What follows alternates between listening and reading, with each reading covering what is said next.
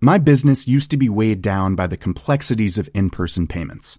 Then, Tap to Pay on iPhone and Stripe came along and changed everything. With Tap to Pay on iPhone and Stripe, I streamlined my payment process effortlessly. Now I can accept in person, contactless payments right from my iPhone. No extra hardware required. What's truly remarkable is how I can cater to all of my customers' payment preferences. Whether they're using cards, Apple Pay, or other digital wallets, Tap to Pay on iPhone and Stripe ensure a smooth checkout experience every time. And it's not just me. Stripe helps businesses of all sizes, from local markets to global retailers, scale quickly and stay agile. To learn how Tap to Pay on iPhone and Stripe can help grow your revenue and reach, visit stripe.com Hans Petter og Co. presenteres av TrippelTex, det skybaserte økonomisystemet som gir store og små virksomheter full oversikt over økonomien. Prøv TrippelTex gratis du også, i 14 dager, ved å gå inn på trippeltex.no.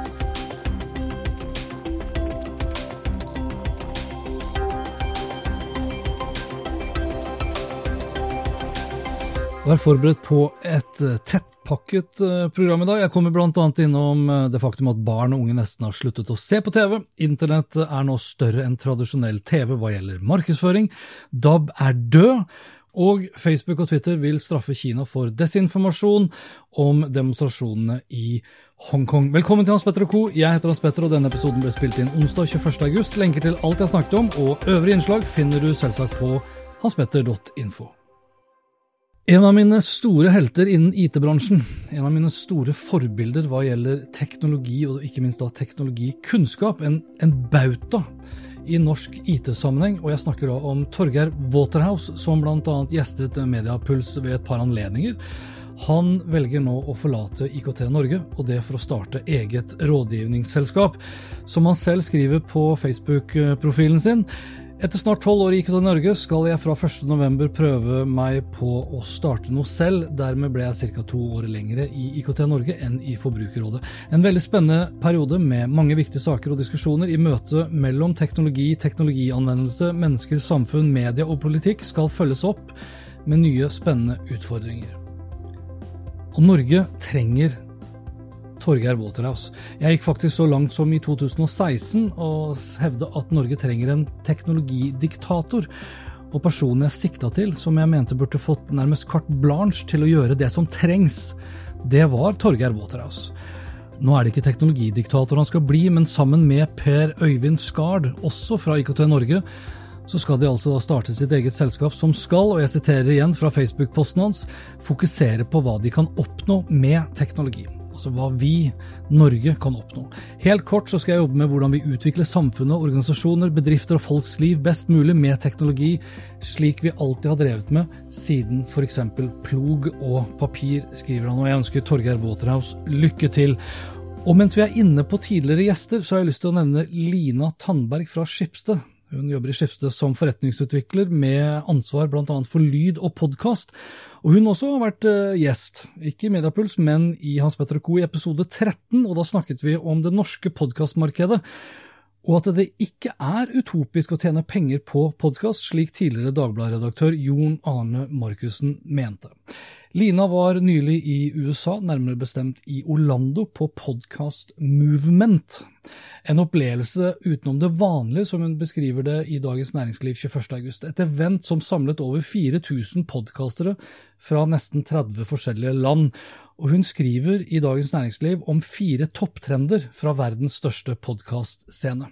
Den første trenden handler om at markedet nå beveger seg fra om vi skal kjøpe, til hvordan man skal kjøpe annonser på podkast.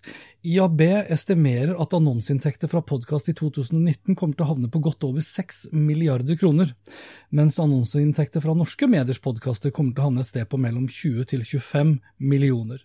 Lina sier at vi ligger to til tre år bak amerikanerne, og at det da i Amerika ikke lenger handler om hvorvidt man skal kjøpe podkastreklame eller ikke, men hvordan man skal kjøpe i et landskap som er ekstremt fragmentert. Trend nummer to handler om Google, som nå entrer podkastscenen. Google tilgjengeliggjør nå podkaster i søk og bruker speech to text-teknologi for å tilby søkeresultater basert på episodens innhold, og ikke bare basert på podkastens navn og episodebeskrivelse. Trend nummer tre måling, måling, måling. Kravet til en felles valuta og gode effektmålinger må på plass. Her har jo NRK blant annet eh, satt seg i førersetet. Det gjorde de for et par år siden. Det skal være like rundt hjørnet, etter hva jeg har skjønt. Og det var stort fokus på data og effektstudier under hele konferansen generelt, skriver Lina, og IABs sertifiseringer da spesielt. Analyseselskapet Nielsen har gjort flere effektmålinger og finner at podkastreklame fungerer bra både til branding og performance. Sponsorater fungerer best til merkevarebyggende kampanjer, mens generiske korte spotter som kjøres på tvers av podkaster fungerer bra for mer konverterende kampanjer, ifølge Nielsen. Og Den fjerde og siste trenden som eh, Lina tar opp, er da de nye podkastlytterne. Tom Webster fra Edison Research presenterte et utdrag fra deres eh, store undersøkelse Infinite Dial. Analyseselskapet har da de siste årene spesialisert seg nettopp på podkastundersøkelser, og Webster deler lytterne inn i to hovedkategorier. Nybegynnerne som akkurat har begynt å lytte til podkast, og veteranene som meg selv f.eks., som har lyttet da i årevis. Det er nybegynnerne som bidrar til den enorme veksten i lyttinger, og disse lytterne oppdager og lytter til podkast på en helt annen måte.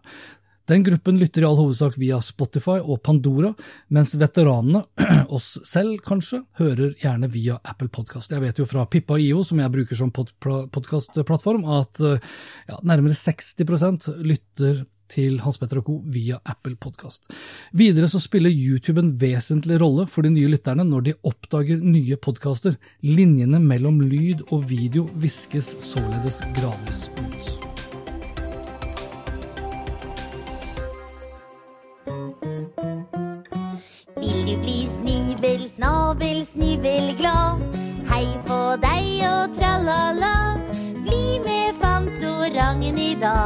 Kjente du igjen eh, Fantorangen fra det lydklippet her, også fra NRK barne-TV? Sannsynligheten for at stadig færre barn gjør akkurat det, øker kraftig om dagen. Ifølge en fersk undersøkelse fra Kantar, som ble lagt frem under Arendalsuken sist uke, så har barn og unges mediebruk endret seg radikalt sammenlignet med bare for noen få år siden. Lineær TV er i fritt fall, uttalte Nils Petter Strømmen fra Kantar. For øvrig et ganske kult etternavn med tanke på at lineær-TV nå er i ferd med å bli forbikjørt av Strømmen-TV.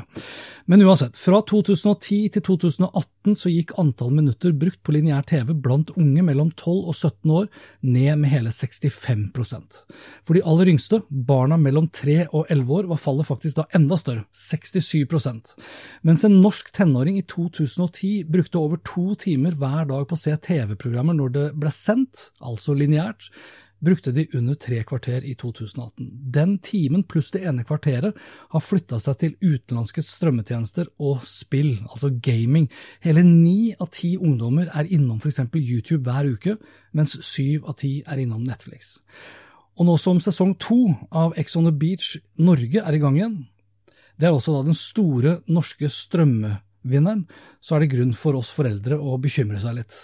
Kun 3% av ungdommen som ser på Ex on the Beach Norge, ser det på TV når programmet sendes. 3% ser det i opptak, mens resten, 94% strømmer det via Dplay.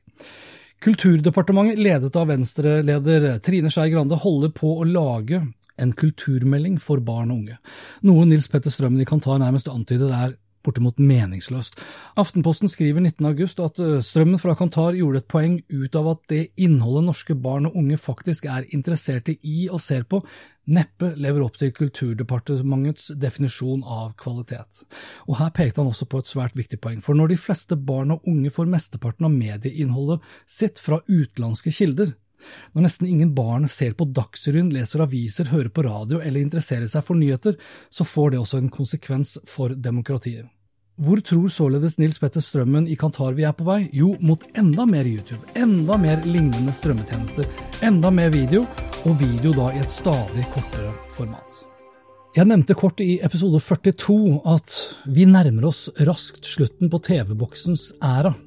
Og jeg nevnte akkurat at barn og unge ikke ser noe særlig på TV lenger, iallfall ikke på lineær-TV.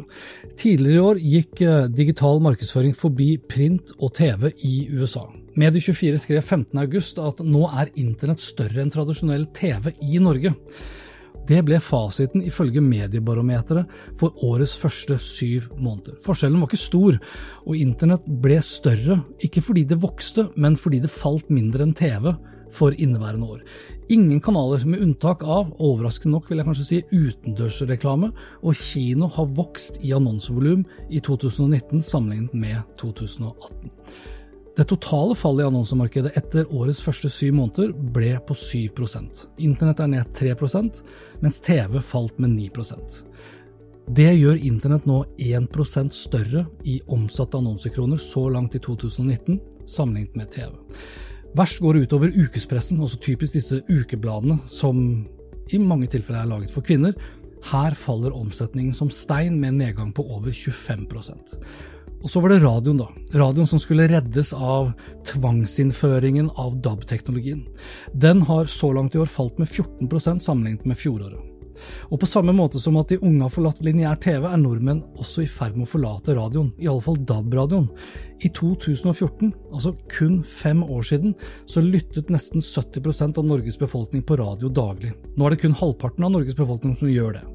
Og det er et faktum etter at vi totalt har investert nærmere 30 milliarder kroner hvis man regner inn alt fra infrastruktur til alskens DAB-radio som nordmenn har blitt tvunget til å kjøpe for hus og bil og båt og hytte. Leif Morten Synnevåg, som for øvrig har laget en fantastisk god podkastserie på SoundCloud som heter Hvem slukket lyset på FM, skrev 15.8 i VG at DAB er død, vi ble skikkelig lurt. Det er for øvrig den mest delte saken i sosiale medier så langt i august, ifølge Storyboard. Han viser til regnskapstallene til svenskeide Nent, som står bak P4, og tyske Bauer Media, som bl.a. står bak Radio Norge. P4s omsetning har blitt barbert med 44 millioner kroner i 2018 sammenlignet med 2017, mens Bauer Media har tapt over 50 millioner kroner i løpet av de siste to årene. Hvor store tap blir det da i 2019? Mediebarometeret til Mediebyråforeningen viser iallfall en nedgang som sagt på 14% så langt i år. Synnevåg kaller det en økonomisk tragedie og ber Luksusfellen om å komme på banen. For ikke bare faller omsetningen, det gjør også lyttertallene, som kjent. Norge er fortsatt det eneste landet i verden som har satset utelukkende på DAB-teknologien, og som har bestemt seg for å stenge FM-nettet for lokalradioene etter 2025 eller muligens 2026. I'm Sandra, and I'm just the professional your small business was looking for. But you didn't hire me because you didn't use LinkedIn jobs. LinkedIn has professionals you can't find anywhere else, including those who aren't actively looking for a new job but might be open to the perfect role, like me. In a given month, over 70% of LinkedIn users don't visit other leading job sites. So if you're not looking on LinkedIn, you'll miss out on great candidates like Sandra. Start hiring professionals like a professional. Post your free job on linkedin.com/achieve today. My business used to be weighed down by the complexities of in-person payments. Then, Tap to Pay on iPhone and Stripe came along and changed everything. With Tap to Pay on iPhone and Stripe, I streamlined my payment process effortlessly. Now I can accept in-person, contactless payments right from my iPhone. No extra hardware required. What's truly remarkable is how I can cater to all of my customers' payment preferences. Whether they're using cards, Apple Pay, or other digital wallets, Tap to Pay on iPhone and Stripe ensure a smooth checkout experience every time. And it's not just me. Stripe helps businesses of all sizes, from local markets to global retailers, scale quickly and stay agile. To learn how Tap to Pay on iPhone and Stripe can help grow your revenue and reach, visit stripe.com Samtidig er Norge også det landet i Europa hvor det lyttes minst på radio. Og det er som eh, Leif Morten Synnevåg sier, det er ikke de digitale mediene som har skyld i det.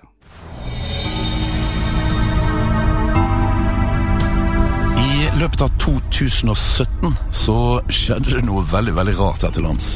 Millioner av fungerende radioapparater kunne ikke lenger ta til seg de konvensjonelle radiosignalene de var vant til. FM sluttet for noen å fungere. Det var stikk. Skal vi se om vi får noe Fylkesvis Jeg nevnte i forrige segment at DAB er død-saken er den mest delte i sosiale medier så langt i august, ifølge Storyboard. Og Vi skal holde oss til Storyboard og delte artikler, men da for juli. For hver måned så har jeg tatt for meg utviklingen av de mest delte sakene i sosiale medier i henhold til da analysetjenesten til Storyboard. Vil si, jeg har tatt for meg utviklingen til de ti største nyhetsnettsidene her til lands. En topp ti-liste bestående av de etablerte mediene, og av de som da lever av å servere tvilsomme og alternative nyheter, hvis du vil.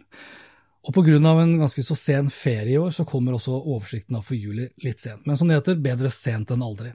Og som forventet, når store deler av Norges befolkning tar seg ferie og er mer opptatt av ferie, bading og deling av at man bader på ferie, ja, så blir det skrevet også færre nyheter som i mindre grad deles. Men Antall delinger av nyheter i sosiale medier vokste faktisk, når man sammenligner juli 2018 med 2019.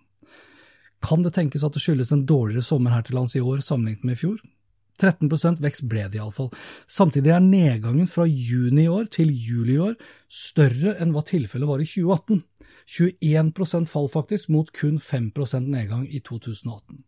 Og for første gang i 2019 så er det nå kun, og det er en gladnyhet vil jeg påstå, kun to alternative nyhetsnettsider inne på topp ti-listen til Storyboard. Både Newsner, som falt da med nesten 40% fra juni til juli, og Sosialnytt, ned 52% fra juni til juli, faller utenfor. Samtidig slår Resett kraftig tilbake etter flere måneder med negativ vekst, med en vekst på hele 45% sammenlignet med juli 2018. I tillegg så vokser Resett med nesten 10% også fra juni til juli nå i år. Størst vekst år over år for juli er det Dagsavisen som står for, med nesten 300% 293 for å være nøyaktig. Samtidig så faller Dagsavisen mer enn gjennomsnittet for topp ti fra juni til juli i år, med 28% Størst nedgang, foruten Dagsavisen, fra juni til juli blant de etablerte mediene, ja, det er det Aftenposten, TV 2 og NRK som står for, med henholdsvis en negativ vekst på 33, 29 og 27 TV 2 alene faller med hele 36% år over år nå i juli, mens nedgangen i juni var på fattige 3% Og med det så har TV 2 så langt i 2019 opplevd en negativ vekst av delinger av deres saker i, nye, i sosiale medier, i seks av de syv månedene vi har vært gjennom. Unntaket var faktisk bare mai 2019, og da kunne TV 2 vise til en år-over-år-vekst på 14 Det ble mange prosenter og mye vekst og mye nedgang. Hvilke nyheter var det så vi delte mest, eller engasjerte oss mest i? Og her må jeg bare presisere at Storyboard definerer da deling som det å like, kommentere og eller det å dele. Og flest delinger var det Frøya Nyheter sin sak Jeg skjemmes som sto for. Torstein Larsen, som er leder i pensjonistpartiet Orkland, han var forbanna på det han kalte for bedreviteres forsøk på å gi han flyskam og kjøttskam, og mener han heller da bør innføre begrepet politikerskam. Og på andreplass var det Dagbladets sak om Lars Monsen, som mener vindmøller vil voldta norsk natur, og den tredje mest sakten i juli handlet om fotball og inkludering, og kom fra en fotballforelder i Tromsø. Kronikken ble som sådan publisert på Nordnorsk Debatt sine nettsider. Jeg runder av denne episoden med noen kortere overskrifter eller noen kortere saker. Remarketing, eller retargeting, det er Jeg kan ikke huske faktisk jeg snakket om det uh, i Hans Petter og co., men jeg kom i hvert fall da over en undersøkelse som viser at det fortsatt funker, iallfall når det blir gjort skikkelig.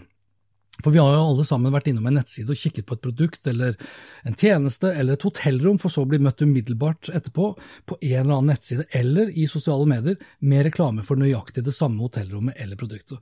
Og ifølge da en fersk undersøkelse fra Intent Lab and Performix, så handler faktisk nesten en fjerdedel av oss et produkt vi har blitt eksponert for gjennom slik remarketing. Samtidig så er det også svært mange av oss, dvs. Si mange av de som svarte på den amerikanske undersøkelsen, som ikke nødvendigvis har så mye til overs for nettopp da remarketing-kampanjer. Nesten halvparten svarte at de bekymrer seg for personvernet. Og Det kan jo også kanskje være årsaken til at bl.a. britiske myndigheter nå vurderer å forby remarketing som sådan. Over halvparten mener også at det holder å se en remarketingkampanje eller remarketingreklame én gang i løpet av en uke, mens kun 19% mener at det er akseptabelt å se remarketingreklamen to ganger. Og så fortsetter det nedover. Når det er sagt, så likte nesten fire av ti remarketingreklamene, spesielt i de tilfeller de ble tilbudt en bedre pris og remarketing-reklame på retail-side var det man i størst grad aksepterte. 30% svarte at det var greit, mens kun én av ti hadde noe særlig til overs for remarketing-reklame på YouTube og Instagram f.eks. For ett år siden så annonserte Facebooks Mark Zuckerberg Clear History, en eh, tjeneste som skulle gjøre det mulig for oss å slette all historikk på Facebook. Et år senere så lanserer nå Facebook Off Facebook Activity, hvor vi da endelig skal kunne se rekkevidden av all data om oss som Facebook samler inn utenfor selve plattformen. For med Off Facebook Activity så skal du da i korte trekk kunne se et sammendrag av informasjonen andre apper og nettsteder har sendt Facebook gjennom deres eget verktøy, f.eks. av Facebook Pixel eller Facebook Innlogging. Den informasjonen skal du kunne koble fra kontoen din hvis du vil, og du skal også kunne velge å koble fremtidig aktivitet utenfor Facebook fra kontoen din. Du kan gjøre det her for all off-Facebook-aktivitet, eller bare for spesifikke apper og nettsteder. Og legg merke til at jeg sier koble denne informasjonen fra kontoen. For det betyr ikke at dataene forsvinner, men at dataene om deg blir anonymisert. Dataene blir i stedet brukt på samme måte som når Facebook samler inn anonym informasjon om brukere som surfer på nettet uten å være pålogget på Facebook. Off-Facebook Activity ble nylig lansert, og det lanseres fortløpende. Først ute er Facebook-brukere i Irland, Sør-Korea og Spania.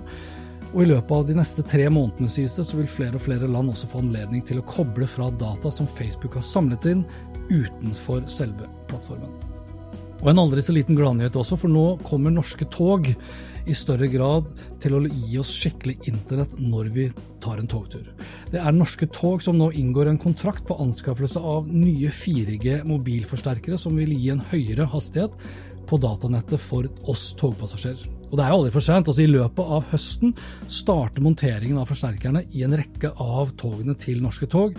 Og i tillegg så vil alle nye Flirt-togsett blir levert med oppgradert mobilforsterking med to mobilforsterkere per togsett, som det da heter i pressemeldingen fra nettopp Norske Tog. Det er vel aldri en episode uten et par nyheter som kommer fra eller handler om Kina, iallfall ikke så mange, tror jeg. For nå bestemte USA seg for å forlenge, og det kom vel kanskje ikke som en overraskelse heller, fristen for Huawei den blokaden av at Huawei ikke lenger får drive business med amerikanerne, og amerikanerne ikke får lov å drive business med Huawei. Huawei får nå 90 dager til på, eh, på seg til å kjøpe da, teknologi fra amerikanske selskaper, og fristen er nå satt til 19.11. Huawei på sin side ser ikke ut til å ligge på latsiden, og vant nå EISA-pris for årets smarttelefon, og det for andre år på rad. I fjor så var det Huawei P20 Pro som stakk av med seieren som verdens beste smarttelefon. Nå er det Huawei P30 Pro som vant. Og de fleste av oss har vel også fått med seg de pågående demonstrasjoner i Hongkong. 19.8 f.eks. så skriver Kinas ambassadør til Norge i Aftenposten at, og jeg siterer, lov, orden og rasjonalitet er folkets vilje i Hongkong. Yu Changlang tror jeg er ganske feil uttalt, men iallfall, det er navnet på Kinas ambassadør til Norge. Han går faktisk så langt i å hevde at enkelte vestlige medier kaster bensin på bålet og bevisst hvitvasker voldelige aktiviteter. Han skriver faktisk da til og med, og jeg siterer, Ingen bryr seg mer om Hongkong enn det kinesiske folk. Og det har vist seg at ett land, to systemer-politikken er den aller beste løsningen for langsiktig vekst og stabilitet for Hongkong.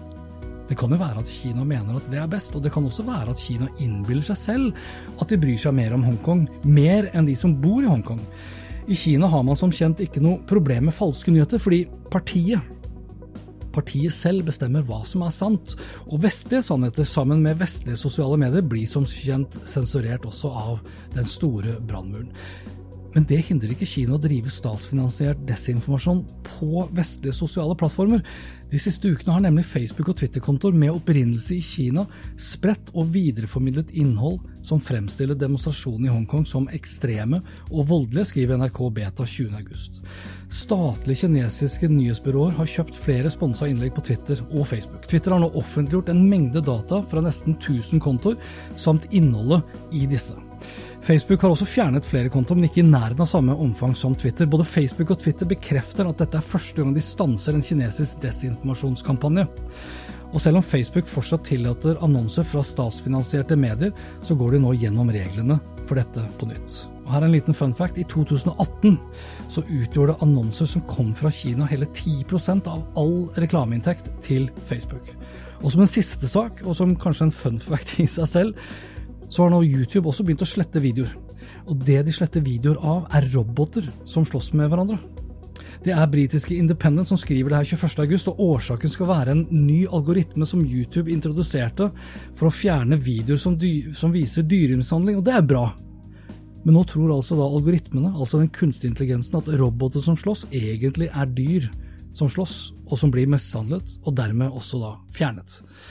Og det var det for denne episoden. Likte du det du hørte, og vil forsikre deg om at du får med deg de neste episodene, da kan du bl.a. abonnere på Hans Petter og Co. på Apple Podcaster. Ellers kan du være som da de unge hippe på f.eks. Spotify eller Acast eller Google Podcast, Overcast og selvsagt også TuneIn Radio, slik at du kan høre på Hans Petter og Co. i din Tesla f.eks. Inntil neste gang, vær nysgjerrig, for det er den beste måten å møte vår digitale fremtid på.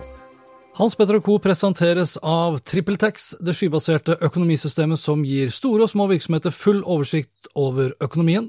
Prøv TrippelTex gratis du også, i 14 dager, ved å gå inn på trippeltex.no. Witness history at Roland Garros, where old rivalries meet new talent on the clay battleground. Tennis Channel Plus is your place to watch. Stream every court from your phone or smart TV live in HD. Experience three weeks of unparalleled access as the world's top players in tennis face off to see if the veterans maintain their dominance or if a fresh face rises to challenge them. Daily live coverage of the French Open begins Monday, May 20th. Stream it now with Tennis Channel Plus to be there when it happens. My business used to be weighed down by the complexities of in person payments. Then, Tap to Pay on iPhone and Stripe came along and changed everything. With Tap to Pay on iPhone and Stripe, I streamline my payment process effortlessly. Now I can accept in person, contactless payments right from my iPhone. No extra hardware required. What's truly remarkable is how I can cater to all of my customers' payment preferences. Whether they're using cards, Apple Pay, or other digital wallets, Tap to Pay on iPhone and Stripe ensure a smooth checkout experience every time. And it's not just me. Stripe helps businesses of all sizes, from local markets to global retailers, scale quickly and stay agile. To learn how Tap to Pay on iPhone and Stripe can help grow your revenue and reach, visit stripe.com/tapiphone.